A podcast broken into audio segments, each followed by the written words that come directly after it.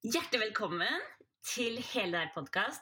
I dag skal vi utforske et tema sammen med fantastiske Stine Kase, som er parterapeut og familieterapeut. Stine møtte jeg i Gøteborg, og jeg bare tenkte For en dame! For et smil! Og hun har utrolig energi, god energi. Så det er skikkelig skikkelig, skikkelig stas å ha deg med, Stine, for du deler så mye fint i dine sosiale medier, og du har så utrolig varme. Så i dag så gleder jeg meg skikkelig til å ha deg med og snakke litt om parforhold, stress og egenpleie.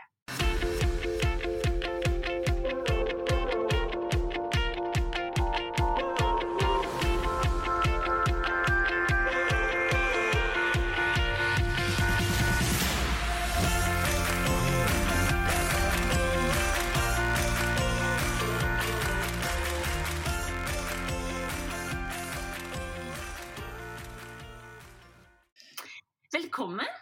Tusen takk, Marianne, og tusen takk for de ordene. Det var jo så gøy når vi møtte hverandre i Gøteborg. Det var jo liksom Du vet det er noen som du bare klaffer sånn kjemimessig med med en gang, og sånn vil jeg vel si det var med oss oppe i spa-avdelingen der. Ja. Knødde oss sammen i noen morgenkopper og bare der, Ja, det var eh, skikkelig, skikkelig, skikkelig fint. Kjempefint. Og mm. veldig veldig hyggelig å få lov til å være med på podkasten din. Jeg syns at uh, de temaene du uh, bringer opp, de er så viktige. Og det var veldig veldig lett for meg å si ja til å være med i podkasten din. For det Ja, vi brenner jo for veldig mye av det samme.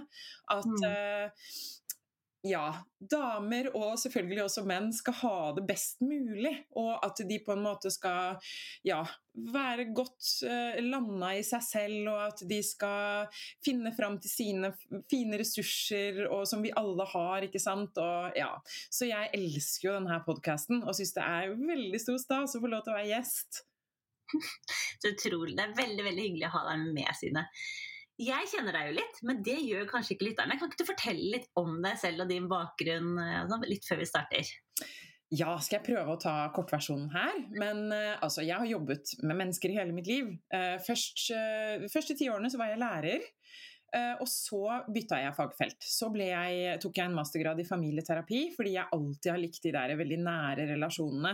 Jeg liker å koble meg på mennesker og hjelpe de litt sånn tett, da. Og mm. læreryrket var jo spennende, men eh, det var eh, Ja, jeg hadde lyst på litt den mer nære kontakten og virkelig hjelpe mennesker, løfte mennesker og drive med endringsarbeid. Og det følte jeg fikk gjort for lite i det første yrket mitt. Så da eh, tok jeg en mastergrad som jeg var ferdig med for ti år siden. Og parallelt har jeg også jobbet da som terapeut hele veien, så jeg har jobbet 13 år med par og med eh, familier, med kvinner. Eh, og det er jo det jeg brenner virkelig for. ikke sant? Det å løse opp i kommunikasjonsutfordringer. Mm. Eh, virkelig romme folk sånn at de eh, kan ha det godt med seg selv og sine relasjoner. Det er vel det aller, aller viktigste jeg driver med. Mm. Så jeg eh, driver jo for meg selv nå. Har jo jobbet i offentlig sektor, jobbet i privat sektor, jobbet som familieterapeut, parterapeut, i psykiatrien rundt omkring. Så jeg har fått med meg masse god erfaring. Eh, men jeg har drevet egen eh, business siden 2015, faktisk. Men så har jeg vært litt sånn av og på. Men de siste tre årene så har jeg vært på. Så nå er det liksom bare Stine Kase sin sjappe. Gratulerer og velkommen inn i gründerverden. Jo, takk for det. Det er en strålende verden hvor jeg trives bedre og bedre. Men det er skaper jo alltid litt sånn det å stå på helt egne ben. Og ja, du vet jo alt om det, Marianne. Det er jo Man må jo møte noen frykter. Uh, og det Men det, det, blir jo til nydelig selvutvikling. Så jeg er, har ikke angra på å ta det valget, i hvert fall. Nei, det er kjempefint å høre. Og jeg er jo helt sikker på at uh, både du og jeg har jo da kjent på temaet i dag med litt stress. hva, hva, det gjør med oss selv, og hvordan uh, man noen ganger kan bli som jeg pleier å si til mannen min i starten når jeg hadde en sånn veldig hektisk periode på jobb, for jeg kan gjerne bestemme det litt selv, så sa jeg til mannen min dette er min bitch-periode. jeg var helt ærlig. Så denne perioden er jeg nok ikke min beste versjon. Så ikke ta opp noe ekstra med meg, og ikke liksom ta deg veldig nær av alt det jeg sier. For jeg er stressa. Og det har sikkert du også kjent på uh, i visse perioder nå som du har startet for deg selv, at innimellom så bare oi, fyker det stresset opp. Og det gjør det, og så blir jeg så Jeg syns det er så nydelig akkurat det du sier nå. fordi at det, det du gjør da med mannen din Nå går jeg rett inn, vet du, Marianne. Ja, bare gå inn. gå all in. sant? Uh, for jeg er jo her for å dele litt samlivsråd, ikke sant. Og det du gjør, som er så nydelig, og som veldig mange av oss glemmer, det er jo at du du faktisk gir en liten heads up til mannen din, du. Og du, du er transparent og sier ifra til han at nå kommer det en periode. De fleste gjør ikke det. Det gjorde ikke jeg heller før. ikke sant? Man bare går inn i det med litt sånn innbitthet, ikke sant. Og så eh, Så sier man ikke noe altså Begge kjenner jo at stresset går opp, kanskje, men man, når man ikke setter ord på det, så blir jo også lunta veldig mye kortere. Og da er det så mye lettere å havne i en eller annen sånn teit krangel om ting som egentlig ikke er viktige engang, bare fordi at begge blir stresset. Og i parforholdet så speiler man jo hverandre, så hvis den ene er stresset, så smitter det som regel over på den andre. Så det, jeg syns det var så nydelig. Ikke sant? Men det er så nydelig det du sier. Du sier fra til mannen din. Herlighet, det er jo helt fantastisk. Så det er liksom råd nummer én. Når det er en periode som er litt hektisk og ekstra sånn maste, si ifra at vet du hva, nå trenger vi en periode hvor vi ikke snakker om de her helt største utfordringene våre. Nå må vi la det skli litt, for nå er det, nå er det litt mye. Det er bare mm. helt I love it. ja, altså, det rare med det, eller det er jo ikke rart, men det er at når jeg først fikk sagt det, så romma jeg meg selv også på en helt annen måte. Fordi jeg klarte, idet jeg hadde sagt det ut, å også erkjenne det for meg selv. At ok, nå irriterer du deg over ting du virkelig ikke hadde irritert deg over forrige uke. Eller om du irriterer deg om, om tre uker når det er litt roligere igjen. Og det syns jeg også er så fint med å snakke og kommunisere med partneren, er at når du, når du har tenkt opp i huet, du har kommunisert ut, så kommuniserer du tilbake til deg selv og minner deg på det du egentlig står i. Ja, og det er jo ikke sant, det er ikke sånn kjempelett. Det har krevd litt selvutvikling det her, Marianne, før du kom dit. Ja, det har det. ja, og, Man lærer hele tiden, da. og det er, ja, ikke sant. Men det er jo helt sant det du sier, fordi man får jo et sånn metaperspektiv, vil jeg egentlig si, på seg selv. da, At man klarer mm. å få litt sånn avstand til det der kaoset man står i. Og, så klar, og det, ikke sant, å romme seg selv og bare For det du egentlig gjør, er jo å sette grenser. Du setter en grense, og du sier at ja, jeg er jo bare et menneske, og jeg, nå reagerer jeg kanskje litt Nå har jeg kort lunte, ikke sant, som vi alle har. Det er jo helt eh, det er jo, Alle har jo det, jeg òg har jo det. Men mm. det å liksom si til seg selv at vet du hva, det er jo ikke så rart. Fordi jeg har mye på agendaen nå. Det er mye som, eh, som, skal skje. Det er eh, Ja, det er Og noen ganger er det jo sånn. Uansett hvor mye vi mediterer, eller, eller uansett hvor mye vi har egentid, så noen perioder er jo hektiske. Det er jo sånn det er å leve i denne verden. Så mm. det å liksom bare, vet du hva Jeg har det hektisk nå. Jeg tilgir meg selv litt for det òg, og det er lov. Mm. Og Det er lov å ha litt kortere lunte, men det er lov å være bevisst på det også. Sånn at man ikke havner i noe som egentlig trekker bare enda mer energi da, opp i en periode hvor man trenger den energien til andre ting. mm. Og kanskje spesielt liksom, før høytider og ferier og sånne ting, så er det jo vi har jo alle mye å gjøre i ulike perioder, men så har vi også, i hvert fall jeg, har et veldig ønske om å bli ferdig med ting. Og gjøre ting liksom ekstra før liksom ferie og høytider. Mm. Og da kan jo også det på en måte Ja, men nå skulle det være veldig hyggelig! Og så ble det bare stress. Ja, ikke sant. Og særlig den der, for den kjenner jeg veldig godt igjen. Det tror jeg veldig mange av lytterne også gjør. Den der med at man, ja, eh, før man skal gå i en eller annen ferie, da, så har man sånn der svær sånn to do-liste, og så er det check, check, check. Og jeg liker det selv, å sjekke i boksene, liksom, og få ting gjort, for det, det skaper en veldig god følelse. Men likevel, hvis man ikke tar pauser innimellom den der to do-lista si, så vil jo det bli veldig vanskelig å lande det stresset i etterkant. Og det her husker jeg, kommer jeg på nå, Marianne. Sånn levde jeg jo livet mitt veldig før. Eh, det er en grunn, Jeg har vært utbrent to ganger òg. Største læringa i livet mitt. Så det har ikke bare vært negativt for meg, men akkurat, masse. masse. Men akkurat når jeg sto oppi det, var det grusomt, altså. Så jeg vil ikke Det var det. Men jeg lærte noe. Jeg måtte endre på måten jeg gjorde ting på. Og eh, særlig det der når, for jeg kan bli helt sånn gira på å få gjort ting, og gira på å bruke masse masse energi uten å ta pauser ennå. For jeg har det veldig i meg. ikke sant? Mange av oss har det jo bare i oss. Um, men det som skjedde i hvert fall her hjemme da, med meg og mannen min, var at um, jeg satt den bonusen da, som var ferien, eller ja, høytiden, eller hva det nå var, den sto der som en sånn der premie til slutt. Og så gønna jeg på. Gønna, gønna, gønna på. Høyere og høyere skuldre.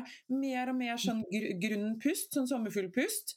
Sant? Og, skuldre og liksom sånn, og til slutt så bare Ja, nå skal vi kose oss! Og så var jeg så anstrengt. ikke sant? Nå skal vi endelig, nå var vi ferdig med alt. Og så kom ikke den der I hvert fall ikke med en gang. Den kom jo etter hvert, kanskje. Men den derre deilige liksom Å, oh, nå er det ferie. Nå kan, bare, liksom, nå kan jeg bare være i ro. For da var jeg mm. så eh, hyperaktiv at jeg klarte å lande. Det tok jo flere dager før jeg landa. Sant? Så det ble ikke så hyggelig alltid, den der inngangen til ferien, da. Og det tror jeg eh, er ganske menneskelig, det òg. Jeg tror mange av oss har det sånn, altså. Sant? Mm, mange. Eh, jeg driver og skriver bok nå, og jeg skrev om akkurat det der i går, faktisk. Eh, om det der med jo et visst sånn batteri i kroppen. Og når vi tømmer hele batteriet før ferien liksom Vi har tømt alt av liksom, det mentale, vi har begynt å snakke oss ned selv, vi har slitt ut kroppen, vi har liksom høye skuldre, vi har dårlig pust, vi sover dårlig. Og så kommer vi inn i ferien så forventer vi liksom at ja, men nå skal allting være fint. Ja, men og nå skal, nå skal vi være kjempeforelska. Kjempeforelska, vi skal ha det kjempehyggelig med barna. Men telefonen vår, hvis den hadde vært på én, så hadde vi ikke forventa at den skulle liksom ta de beste bildene den dagen. Nei. Og det er jo også noe med det er som jeg tenker at Å ja! Jeg er en sånn telefon som trenger oppdatering. Jeg trenger å være av, hvis ikke skulle jeg varm. Eh, jeg trenger liksom å lade, jeg trenger å faktisk bli eh, tatt vare på. Det har liksom blitt sånn derre hmm, Kanskje ikke så rart at man går litt på en krasj. Hvis man ikke gjør det. Jeg elsker den uh, telefonmetaforen, for vi har jo den mobilen med oss hele tiden. Og det gir jo et veldig viktig perspektiv, ikke sant. Jeg pleier ofte å si mm. batteriet, ikke sant, når man har Og det er jo en sånn Det er jo egentlig den samme greia, uh, sånn som i parforholdet òg, ikke sant. Når den ene Eh, har veldig veldig lavt batterikapasitet, eh, så hjelper det egentlig ikke alltid at den andre har masse heller. fordi at man krasjer jo da. Fordi man har ulike kommer med ulik energi inn, og, eh, og, liksom det man orker inn, ikke sant. Så, mm. så, ja, men det der med telefonen, det skal jeg virkelig ta med meg videre, for det var et veldig godt bilde på det. Den telefonen må jo ha litt strøm, ellers så går det jo ikke, ikke sant. Den må jo faktisk må plugge den inn i kontakten, altså for å mm. ha noe å gi. Og vi må gi til oss selv før vi gir til partneren, til barna. Og det her mm. vet jeg jo du brenner for også, Marianne. Eh, men det er så vanskelig, og selv, selv, jeg, selv, om jeg er familieterapeut og alt det der, eh, når det gjelder ungene mine Det er så fort gjort å bare droppe seg selv og fokusere på de. Sant? For det ligger Jeg har aldri opplevd det, altså. Nei. Aldri opplevd det. Nei, da er du en litt sånn sjelden fantastisk diamant som kanskje er 0,01 Sånn lang som Pinocchio og lyvenese, vet du. ja, jeg ser den. Jeg vokser. ja, nei, men altså det å Jeg tror det er veldig medfødt, eller jeg vet det er medfødt i tillegg, for det er jo instinktene våre. Men noen ganger så må vi faktisk sette litt spørsmålstegn ved instinktene våre. Fordi vi er faktisk ingen god mamma eller partner hvis ikke vi har fylt opp oss selv først. Og vi kvinner da spesielt. Um, vi har jo uh, lært i oppveksten vår at vi skal sette andre først. Det ligger så innprenta i oss. Og, og, det er liksom vi, vi, stiller ikke spørsmålstegn ved det engang. For det er så I hvert fall de aller fleste av oss har lært det, at det er egoistisk å sette seg selv først. Vi skal ikke ta plass, vi skal sette andre foran oss. Og når vi blir mammaer spesielt da, da switcher det inn med full kraft, og det blir helt umulig nesten å sette seg selv foran. Så, men det er det som gjør oss til en god mamma da, og en god partner, det er jo når vi klarer Jeg sier ikke hele tiden, men at vi klarer sånn med jevne mellomrom da, å putte inn den der kontakten.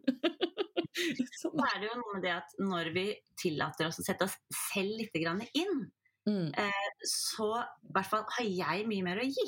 For jeg vet at hvis jeg kjenner at jeg er sliten, jeg har kanskje liksom ikke fått eh, beveget meg noen ting, jeg har ikke fått spist bra, jeg har liksom bare liksom gått sånn på alerten, da har jeg så utrolig kort lunte.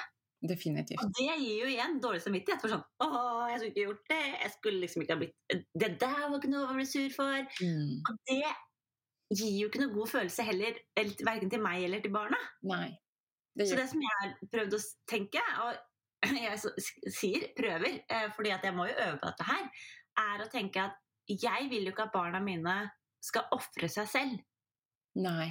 Hvis ikke jeg vil at de skal ofre seg selv, så kan ikke jeg vise dem at jeg ofrer meg hele tiden. For det er det de ser. Mm, det er grunnen til at de tar frem den der kaffekoppen og ammer den dokka. Det er ikke mm. fordi at de har lært seg at de skal gå på eh, kaffebesøk eller amme dokker. Nei, det er de sånn at oss, og de ser oss mye mer enn hva de hører oss. Absolutt. Og de, ja, de gjør det vi gjør, og det er jeg helt enig med deg. Det har jeg tenkt på mange ganger. Eh, nå har jo jeg ei jente og to gutter, og, og det òg har jeg tenkt veldig mye på. Hva er det jeg viser dem? Hva er det vi viser dem om hvordan eh, det skal være da, å være ja, voksen kvinne, voksen mann etter hvert? Og mm. virkelig, de fleste, selv om det har blitt mye, mye bedre altså, når vi eh, holdt jeg på å si, eh, vokste opp, altså alle som har vokst opp på 70- og 80-tallet, de de hadde Der var det litt annerledes i eh, oppdragelsen. Eh, sånn mm. at eh, ja, også kjønnsrollemønsteret var litt annerledes. I dag tror jeg at vi er i hvert fall litt bedre på at man skal få lov til å ha følelser, og at man skal få lov til å liksom, være litt mer seg selv. Jeg håper i hvert fall det. Eh, men fremdeles så henger det veldig igjen da, fra tidligere generasjoner. Og vi har en tendens til å oppdra gutter og jenter litt grann forskjellig. Og det gjør jeg selv òg, selv om jeg er bevisst det. Men det å virkelig tenke seg om hva slags gjør jeg ofte. Jeg tenker På guttene mine så tenker jeg hva slags menn hva slags, eh, hva slags menn ønsker jeg at de skal bli? Hva slags eh, eh, partnere ønsker jeg at de skal bli for en kvinne en gang i tiden? Og min datter, da. Hva slags kvinne vil jeg at hun skal bli? Hva, hva, er det jeg ønsker at hun skal liksom eh, Ja, sånn som du så fint sa. Det å liksom unne seg selv, ta vare på seg selv, kjenne etter innover, da. Ikke sant? Hva er det jeg trenger? Det er så viktige perspektiver av og til. Å tenke at disse her er jo ikke bare våre barn. De, vi har de bare på besøk. De skal videre og bli voksne mennesker og bidra til samfunnet. Og jeg mener jo virkelig at man bidrar aller best til samfunnet når man har eh, fylt på med egenkjærlighet og eh, godt påfyll til seg selv, eh, sånn at man kan gå ut da som ringer i vann ikke sant? og spre kjærligheten utover, for du klarer ikke det når du har tom tank. Det går jo faktisk ikke, det. Da blir det ikke bra det du sprer ut heller, da. Nei. Det er jo ikke sånn at det, det er helt enig i at du får ikke spredd den ut, men det er jo ikke sånn at det alltid er så lett å ha det der batteriet i behold heller. Og da tenker jeg det som du jobber med er så utrolig viktig, det med et parforhold. At vi har, kan gi og ta av hverandre. At mm. vi kan be om kommunikasjon. Altså, hvor mye kommunikasjon altså, Vi trenger ikke være sånn som kan alt. Kan, og det å kommunisere om hva trenger jeg? Hva trenger du? Hvordan kan jeg møte deg i dine behov? Og hvordan kan du møte meg i mine behov? Mm. Det gjør at det er veldig, i hvert fall for min del, veldig mye lettere å være foreldre. Mm, jeg er helt enig, og jeg tenker jo det er jo sånn det egentlig skal være. For alle, alle, vi som har barn vet jo at foreldreskap er jo det beste, men også det mest utfordrende vi kanskje har stått i. ikke sant? Og mange ting vi ikke hadde tatt høyde for før vi fikk barn, som bare wow. ikke sant? Du får jo følt på hele spekteret. Fra de mest fantastiske følelsene til de aller verste og seg selv som utgave av 'wow, så kjærlighetsfull jeg kan være', og 'herregud, så grusom jeg kan være'. Liksom. Grusomme meg, liksom, som sier de verste ting til ungene mine om å be om unnskyldning. Så man får jo hele spekteret. Men det at et parforhold, og det er jeg så opptatt av, for jeg mener jo parforholdet er jo selve fundamentet, nesten i samfunnet, altså, hvis man skal snakke sånn. Og da mener jeg ikke å diskriminere de som er alene, altså virkelig ikke. Men hvis man tenker en familie, da, så virkelig, Jeg mener heller ikke at alle skal være sammen, men de som er, er, i en familie og egentlig ønsker det, og har det som fundament for barneoppdragelsen, der er jo parforholdet en Altså, det er så viktig. Og det er fundamentet, og det blir ofte prioritert nederst på lista. Mm. Så det blir liksom så dobbelt ille noen ganger, for vi damer har en tendens til å prioritere oss selv ganske langt ned, og så prioriterer vi i tillegg parforholdet skikkelig langt ned på lista. Og da begynner hele fundamentet vårt å vakle, altså. Så jeg syns mm. ikke det er så rart at så mange går fra hverandre. Fordi et forhold trenger jo pleie. Det, det er, jeg pleier ofte å sammenligne det med tre. Uh, og det treet ikke sant? det trenger vann, det trenger god, godt jordsmonn, det trenger dype røtter, det trenger å stå støtt i stormen sin. ikke sant? Det trenger mange ting for å vokse og på en måte få en stor krone og bære frukter, ikke sant? Så, som et forhold også gjør. Så det å jevnlig sette det parforholdet sitt høyt på prioriteringslista man får det ikke til hele tiden, men jevnlig, det er så viktig. Og mange av de mm. som kommer til meg, vet du, Marianne, de, liksom, de, sier at nei, etter vi fikk barn, så har ikke vi hatt en eneste Vi har ikke hatt en eneste date, vi, og nå er barna ti og tolv år. Og da blir jeg helt sånn å nei, å nei, å nei. Og da tenker jeg det er et under at de fremdeles er sammen. Jeg tenker at Da er det ganske sterkt forhold. Altså Det er helt utrolig, men noen har de mekanismene om å bare Nei, nå er det barna. Nå er det liksom alt annet. Nå, det, nå har vi liksom glemt han derre fyren, eller hun derre dama, nesten. Nå er det bare foreldreskapet. Og jeg skjønner det, og det kommer fra et godt sted, selvfølgelig, men det å stoppe opp litt og bare Vet du hva, vi må bygge på fundamentet her. Vi må virkelig ta vare på å pleie dette her, sånn at vi kan være gode foreldre, og sånn at vi orker å stå i alle de stormene som skjer gjennom livet. Fordi alle vi går gjennom ting i livet vårt. Og det kan virke som noen sklir bare gjennom, men vet du hva? det stemmer stort sett ikke. Bare, de viser det bare ikke fram. Alle står vi i ting. Vi kommer gjennom sorger, vi kommer gjennom sykdom, vi kommer gjennom dødsfall, vi kommer gjennom altså så mye rart. Vi mister venner, vi, vi er, øh, krangler med sjefen. Altså det er så mange ting som et menneske skal gå gjennom, og det er, gjelder for oss alle. Og det at fundamentet vårt, parforholdet vårt, vårt, familien vår, eh, blir pleid og tatt vare på. For den skal liksom tåle alt det her. Romme alt det her. Det er så viktig. Og da må vi ha litt sånn godt påfyll. Altså apropos sette eh, kontakten i Eller sette Ja, lade batteriet. eh, det parforholdet, det har sitt eget batteri. Og det trengs så veldig å få lada eh, ikke sant? Samtidig som det du sier, da, og også godta at noen ganger har den ene mye på batteri og den andre lite, og at det skal også rommes. Så må, man må være ganske fleksibel da, for å få dette her til å fungere. ikke sant? Det er ikke noe easy-peasy å leve i et langt samliv. det er ikke det. og jeg, jeg, jeg, tror kanskje heller ikke det blir noe, er blitt noe lettere nå med alt sosiale medier. Nei. Fordi det virker kanskje sånn at alle andre har det så utrolig perfekt. Ja. Um, og det kan i hvert fall føle selv at jeg har gått litt i, i blemma på. Liksom, at, at jeg, jeg hadde forventa meg at det skulle være noe annet, og så har jeg glemt å se hvor bra det egentlig er. Ja. Du skjønner hva jeg mener? At man sammenligner seg så mye med alle andre og alt det store og alt det fine du ser der ute, men så ser du ikke at alle er litt irritert på de sokkene som ligger på det gulvet, liksom. Alle det, det var bare en sånn bitte liten ting. Ja. Men det samarbeidet i hvert fall Vi har to barn som er veldig aktive, så det er, det er mye familien AS eh, hvordan drive det.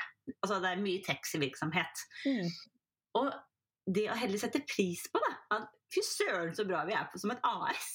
Mm. Og det der å, å nyte de, de, små tingene som vi gjør hver eneste dag, som faktisk gjør at vi fungerer så bra sammen. Mm, og ikke ta det for gitt, men faktisk anerkjenne partneren litt og si det. For det vil jo speiles tilbake til deg. Så hvis du klarer å si, selv om ja, det er en selvfølge for eksempel, da, at mannen skal kjøre på fotball, men at du faktisk sier det. At vet du hva, eh, jeg setter så pris på jeg, at du gjør det her hver onsdag, liksom. Det betyr mye for meg. Bare den lille setningen. Oi, oi, oi, det er påfylt til parforholdet ditt, ikke sant? Men vi Mm. glemmer det, for at vi holder jo på Og ja, men jeg gjør så mye, jeg òg, så hvorfor skal jeg skryte av deg? Jo, men greia er at vi må være rause og skryte eh, når vi kan, for at det vil i hvert fall som regel speiles tilbake på deg, og da får du også påfyll. For da begynner også din kjære å se at oi, ja, det var hyggelig å få anerkjennelse her, for noe som er litt selvfølgelig, men det var deilig. Da kan jeg gi det tilbake òg, ikke sant. Så for noen havner i den der at hvem som gjør mest-fella. sant? Og det er aldri noe bra, fordi at ja, det er travelt å være en familie. Det er kjempetravelt å være en eh, moderne familie. Men det kommer ikke noe ut av å liksom gå i den offerrollen at 'jeg gjør så mye', ikke sant? Fordi da bare dreier Altså, du, du tapper deg selv for energi, og i tillegg så blir det ikke noe hyggelig i parforholdet. sant? Så jeg sier ikke at man klarer det hele tiden. Eh, virkelig ikke jeg heller. Virkelig ikke. Men prøve av og til å bare, vet du hva Nå skal jeg virkelig lete etter tre ting. S- si til min kjære hva jeg setter pris på ved alt det her vi står i. ikke sant? Og en annen ting som jeg har lyst til å si, Marianne, fordi eh, alt det der som skjer i familien, da, som også kan virke litt sånn å, det er pes, og det er litt slitsomt, og du, du, du. Men nå har jo jeg to 18-åringer i hus som kommer til å flytte ut eh, til eh, høsten. Sant? Oi, oi, Ja, sånn at eh, de, og det, det har jeg begynt nå, med mannen min også, å si at vet du hva, nå er vi inne i det siste året med de to. Sånn, altså De kommer jo selvfølgelig hjem og sånn av og til, men de har jo planer om militæret og å studere, ikke sant?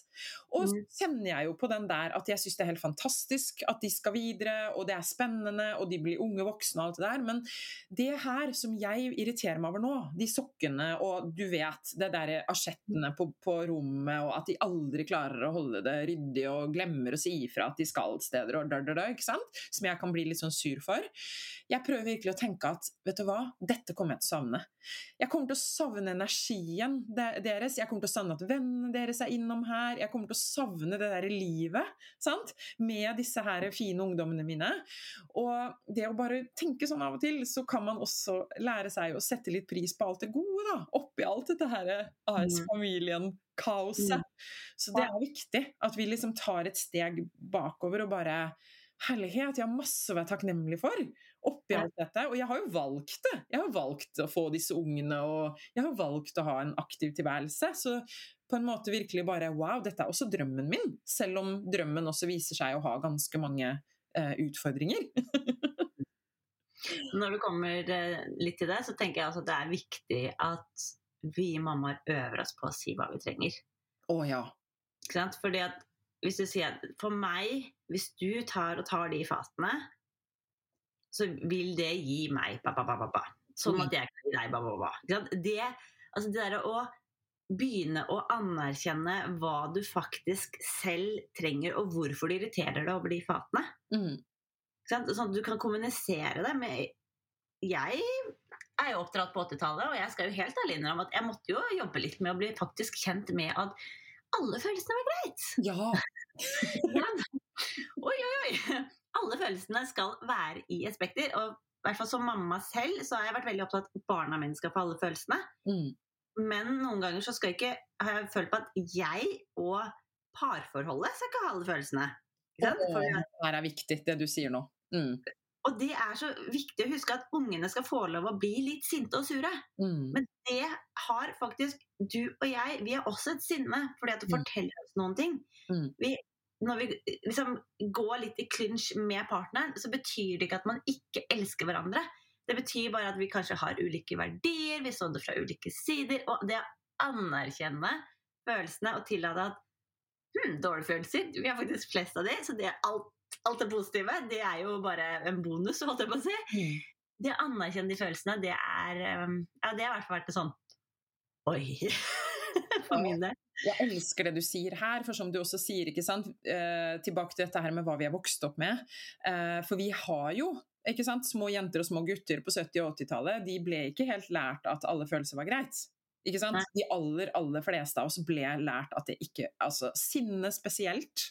Ikke greit Mm. for, for jenter. Ikke greit. Sant? Og gutter skulle jo ikke vise følelser, egentlig. Så de har jo ofte, og det ser jeg jo, ikke sant, stort, de har et stort lokk mellom seg og sine følelser, så de har ikke helt kontakt alltid, da. Nå, nå skjærer jeg jo alle over en kam, jeg er klar over det, men sånn det er det som er det vanligste, for å si det sånn.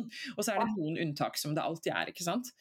Men det gjenspeiler seg jo i parforholdet, og det du sier nå er så nydelig, Marianne. For ja, vi har blitt mye bedre på å romme ungene våre og dette her, og skjønner at det, eh, følelsene våre er jo bare kompasset vårt. Sant? Det er ikke noe farlig. Ingen følelser er farlig. Alle følelser ah, gir oss viktig informasjon. Men det som skjer i parforholdet, når man ikke helt Eller blir litt sånn Oi, jeg er faktisk sint på partneren min. Og så kommer den der oppdragelsen litt helt automatisk inn at det kan jeg jo ikke vise, eller det kan vi jo ikke ha noe av. Det kan jeg jo ikke. Det må jeg putte under teppet. Sant? Skufle det ordentlig godt under og lage sånn stor kant som man kan snuble i mange ganger. Masse, kjempestor bulk, ikke sant. Og til slutt så snubler man jo i den bulken, og da kommer det jo ikke noe hyggelig fram. Da kommer det fram på en veldig kaktusaktig måte, som jeg liker å si. Mannen min pleier å kalle meg for kaktus, skjønner du. Når jeg, det er ikke så lett å klemme en kaktus, sier han når jeg er på det humøret der. Og da, sier jeg, ja, stemmer. Jeg må ta inn piggene, liksom. Men, piggene de kommer jo når det ikke sant, under teppet har blitt for stort. Så mm. jeg liker så godt det du sier. Ta utgangspunkt i seg selv når det kommer en følelse. da. Og det her er jo litt avansert, det her må man øve på. Det er ikke så lett.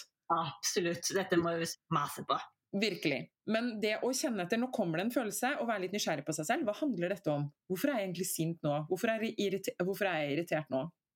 Og når man klarer å si til partneren sin eller til barna sine eh, Gi et budskap som handler om meg, jeg blir lei meg når ikke du tar ut den eh, oppvaska fra rommet ditt, fordi eh, jeg har veldig mye å gjøre på jobb, og det her blir ekstraarbeid for meg. Og da føler jeg at du ikke respekterer meg, så det hadde vært veldig fint hvis du kunne være så snill å hjelpe meg litt i denne perioden, f.eks.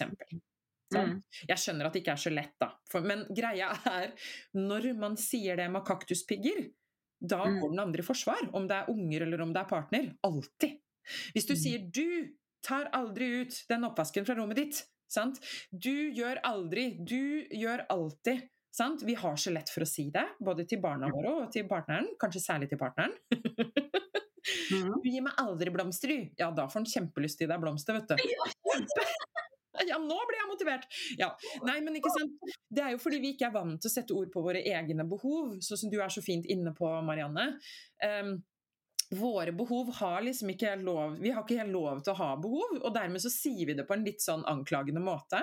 Men hvis vi klarer å si det med 'Å, jeg ville blitt så glad hvis du ga meg blomster' Dette her tok lang tid for meg å øve på. men og det er fortsatt. Det er ikke ferdig. Nei, det er ikke ferdig. Men det blir jo tatt imot på en helt annen måte. Mm. Sammen med mine nydelige tenåringer, som også må forstås har kort eh, altså, ikke sant? Det her er jo ikke eh, eh pannebrasken kobla på engang. Sånn at eh, de, de, har ikke De er jo, skal jo være egoistiske i naturen sin, liksom, i å være ungdommer. Så de er ikke alltid like påkobla empati, da. Ikke sant? Mm. Um, så det å liksom kunne komme med budskap til dem. Fordi hvis jeg kritiserer dem med 'du gjør alltid, du gjør aldri', da altså Om mannen min forsvarer seg, så vil i hvert fall de forsvare seg. Og de vil ikke bare forsvare seg, de vil angripe meg sant? Mm. med sine ord. Og håning og alt. Og det gjør jo ungdommer hvis de føler seg angrepet. Sant? Det er veldig vanlig, i hvert fall. Ja. Så det å liksom snu det litt om og bare det ville betydd så mye for meg hvis du tok i et tak her. Hvis du eh, akkurat i dag tok ut av oppvaskmaskinen, eller kan ikke du eh, hadde vært betydd mye for meg hvis du tok den der søpla fordi at jeg har så mange ting på agendaen. Bare å si det sånn i stedet for med piggene ut, det gjør faktisk en kjempeforskjell. Og ikke drive og putte det under teppet og irritere seg, irritere seg, irritere seg. ikke sant? For da er det vanskeligere da, å si det på en litt sånn ålreit måte. Sant? Mm. Ja. Så er det jo jeg syns kanskje spesielt vi kvinner er vant til å ikke helt liksom, anerkjenne våre egne behov, og da kan det være vanskelig å si hva man trenger. Mm. Eh, så noe som jeg begynte med, var jo rett og slett å bare begynne med For dette er en læringsprosess, og jeg er langt fra ferdig lært. Men det som jeg begynte med, var å liksom begynne med sånne småting som var litt sånn uskyldig. Ja, det er lurt. Eh, som ikke var liksom så stort og så farlig og så skummelt. Mm som ble mottatt litt sånn lett. sånn Kan du ta med kan du gi meg pleddet, eller liksom, kan du ta med en kopp te? Så du på en måte begynte å øve deg på å si de små behovene. Mm. Istedenfor å måtte vente liksom, til å ta noe sånn kjempestort. Mm. Det Mm. er så lurt for selv det. Ikke sant? Ikke bare er vi vokst opp med at vi ikke skal komme med alle mulige behov, ikke sant? Men, eller at eh, jeg mener at vi ikke bare er vi oppvokst med at vi skal sette alle andre foran, men vi er jo ikke Vi er vant til å klare oss sjøl. Vi, er jo opp, vi er jo oppvokst som selvstendige. 'Jeg klarer sjøl, jeg kan lage meg den teen', ikke sant? Men så har vi missa litt den der at eh, Vet du hva, du tar faktisk fra partneren din en mulighet til å gi deg litt omsorg. Hvis du alltid skal lage den teen sjæl. Så det å øve, øve, på sånn som du sier, og bare 'Å, det hadde vært så deilig hvis du Jeg sitter så godt under pleddet nå, kunne ikke du fikse en kopp te til meg?' Sant? Mm. For mange damer, det vet jeg, bare der butter det litt. Fordi bare 'Ja, men herlighet, det kan jeg klare selv'. Men det er så nydelig å kunne øve, som du sier, og bare og ikke bare øve på å sette ord på sine behov, men øve på å ta imot med åpent hjerte. og bare 'Å, det her var så deilig. Tusen takk, du er så snill.' Og så bare wow! Så skapte man en liten sånn deilig stund i parforholdet sitt, som egentlig var Ja, selvfølgelig kunne du fiksa den tekoppen sjøl, men dere skapte en sånn fin sånn atmosfære, da, som er påfyll på kjærlighetskontoen, som jeg pleier å si, da. Ikke sant? Mm. Ja. Jeg hatt en tidligere episode eh, om kjærlighetsspråkene, og den går mye, mye mot eh, akkurat det der med hva vi trenger og hva vi Det å gi, og både, eller både det å gi og det å få, hvor viktig det er for forholdet. Kjempeviktig. Mm. Mm. Men nå går vi inn i en sånn Eller nå er vi jo inne i en periode der det er mye stress og mye forventninger og mye sånne uskrevne regler og mange større relasjoner mm. med flere mennesker. Mm. Har du noen sånne litt gode tips eller råd? Vi har gått innom masse, men som en sånn enkel start, rett og slett, for at man skal kunne ta bedre vare på seg selv og relasjonene sine i den tiden vi er inne nå? Ja, eh, det, det, viktigste tenker jeg er å avklare forventningene. Mm. Eh, og justere ned forventningene. Mm. Um, og jeg vet det er ikke lett, for mange av oss har jo Ja, vi har jo høye forventninger ikke sant, til denne tiden vi går inn i nå. Men virkelig eh, å nyte uh, denne tiden med litt, kanskje heller litt færre ting enn å bare gønne på og liksom tenke at jo, me, altså jo flere ting du gjør, jo bedre er du og jo lykkeligere blir du, liksom. Det, er, det, stemmer ikke. Det er bedre å se litt på må vi gjøre alt det her. Kan vi ta bort noe? Eh, fordi at det er noe med de der skuldrene, og når man putter altfor mange ting inn, at det blir ikke hyggelig. Fordi man klarer ikke å kose seg. Man bare sjekker av, liksom alle tingene man har gjort, og så er man ikke i opplevelsen. Man klarer ikke å være helt i nuet og kose seg ordentlig med det. Så heller færre ting og være helt til stede, vil jeg si. Uh, og det å avklare forventninger, det er så viktig. Og det er innafor enhver høytid, innafor enhver ferie, innafor enhver sånn ting som vi gleder oss til. Sette seg ned, og, for vi tror vi er tankelesere, og så tror vi ofte at uh, mine forventninger er lik partnerens forventninger, er lik barnas forventninger. Men egentlig så stemmer ikke det i det hele tatt, ikke sant? Så det å virkelig Hva trenger du, og hva trenger jeg? Kan vi bare ha en litt sånn rolig start eh, i god tid før, før det liksom braker løs? Og hva er det jeg trenger ha det bra i denne perioden, og hva trenger du? Og ikke bare kjøre på hva man liksom forventninger av liksom hva dette skal være, og hva alle andre gjør. Sant? Men hva trenger akkurat vi i vår lille, fantastiske, unike familie? Ikke sant? Hva er det som gjør oss godt? Kanskje er ikke det å dra på masse juleavslutninger og masse julemarkeder og masse konserter og teater, dyrt, dyrt, dyrt, selv om det er så fint på Instagram. Kanskje ungen din trenger å være hjemme eh, masse og bake sammen med deg. Og ikke invitere noen andre unger engang, men bare ha en rolig tid sammen med deg. Sant? Det er noe med å liksom sjekke inn, og ikke bare der ute, alt det fine som glitrer der ute, men hva er det liksom i din familie og med dine unike barn og din unike partner?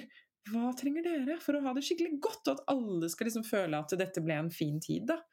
Det er, jeg, det er jeg veldig veldig opptatt av. Og var så dårlig på det før. For da hadde jeg noen forventninger om hva som skulle gjøres, og hva som ikke skulle gjøres, og alt vi måtte gjøre for at det liksom skulle være vellykka, da. Eh, og så har jeg bare snudd om på det. Og bare hva er det som gir god følelse? Hva er det som gir skikkelig Hva er det jeg har virkelig lyst til? Og hva har de andre virkelig lyst til? Og ikke hva alle andre gjør. Så det tror jeg er det aller Starte der, da. Mm. ja. Jeg pleier å si at det er mye lettere å gi en gave til de som faktisk har en ønskeliste. Mm. For Mm. når du, når du skal gi, hvis du har lyst til å gi en gave, hvis jeg hadde lyst til å gi en, deg en gave, så sier du ja, men jeg trenger ikke noe gave, det er ikke så viktig med meg. Men jeg har lyst til å gi deg den. Mm. Da vet jeg ikke hvor jeg skal begynne. Jeg vet ikke hvor jeg skal, hva jeg skal lete etter. Jeg vet ikke hva du har lyst til. Hvis du sier 'jeg har lyst på den og den boken', eller 'den og den planten', Mm. eller de blomstene, så bare 'ja, men det er fint'. Vær så god. Mm. Nydelig. Nydelig. Fordi at man, vi er litt rare der. Vi tror at vi skal være så Det blir liksom ikke ekte hvis vi får, vet hva, vi skal, hva den andre ønsker seg. Men det er jo helt motsatt. Eh, fordi da, da blir det jo ikke Da slipper du den der OK, men blir denne gaven byttet, eller traff jeg nå? Ikke sant? Du vet jo du treffer, da, når noen har sagt at jeg ønsker meg den, den boka. Men det er jo med parforholdet, liksom. Ja. Eh, Eller med barna. At jeg trenger at uh, vi bare setter oss i sofaen sammen nå. Mm. Det er jo de små tingene, da, som uh, Jeg er veldig, veldig glad i de små tingene, jeg òg. De små tingene er jo ikke små ting. Det er jo de små tingene som er de store tingene. Men det skjønner vi ofte ikke før, før etterpå. At det er sånn. Man trenger liksom ikke reise bort en uke for å pleie parforholdet. Man kan gjøre det under middagen, eller se hverandre, eller Det var Absolutt. sånn liten ting som mannen min gjør hver morgen. Han lager kaffe til meg hver morgen, så når jeg kommer ned, så er kaffen ferdig laget. Jeg bare aha! Det er nydelig. Og Anna- Husker du å anerkjenne han for det da, Marianne? Jeg har litt å øve på. Fordi det noen ganger, og så bare sånn Å, nå har jeg glemt det igjen. Ja. Så, men eh, jeg har anerkjent han, og jeg skal anerkjenne han. Ja. Men jeg er ikke perfekt, jeg heller. Men det, Ingen av oss er det. Men jeg har også en sånn mann som gjør sånne ting. Jeg glemmer ofte. For jeg, han er så dyktig på å gjøre tjenester Anda. Det er jo hans kjærlighetsspråk også. Så han gjør det jo hele tiden, og han har alltid gjort det. Og har jo, vi har jo vært sammen i i, godt over 20 år nå, så selvfølgelig, man blir jo litt godt vant, da. Men det å virkelig stoppe opp og bare fy filleren, hva han gjør for oss i familien, og bare trenger liksom ikke å Man kan bare si det sånn rett ut. Vet du hva, jeg setter så pris på alt du gjør, jeg. Du er, bare, du er så viktig for oss, ikke sant? Bare det. Og det kan man faktisk si hver dag. Og så får man det der påfyllet ikke sant? i Kjærlighetsbanken hver dag. Det er så viktig.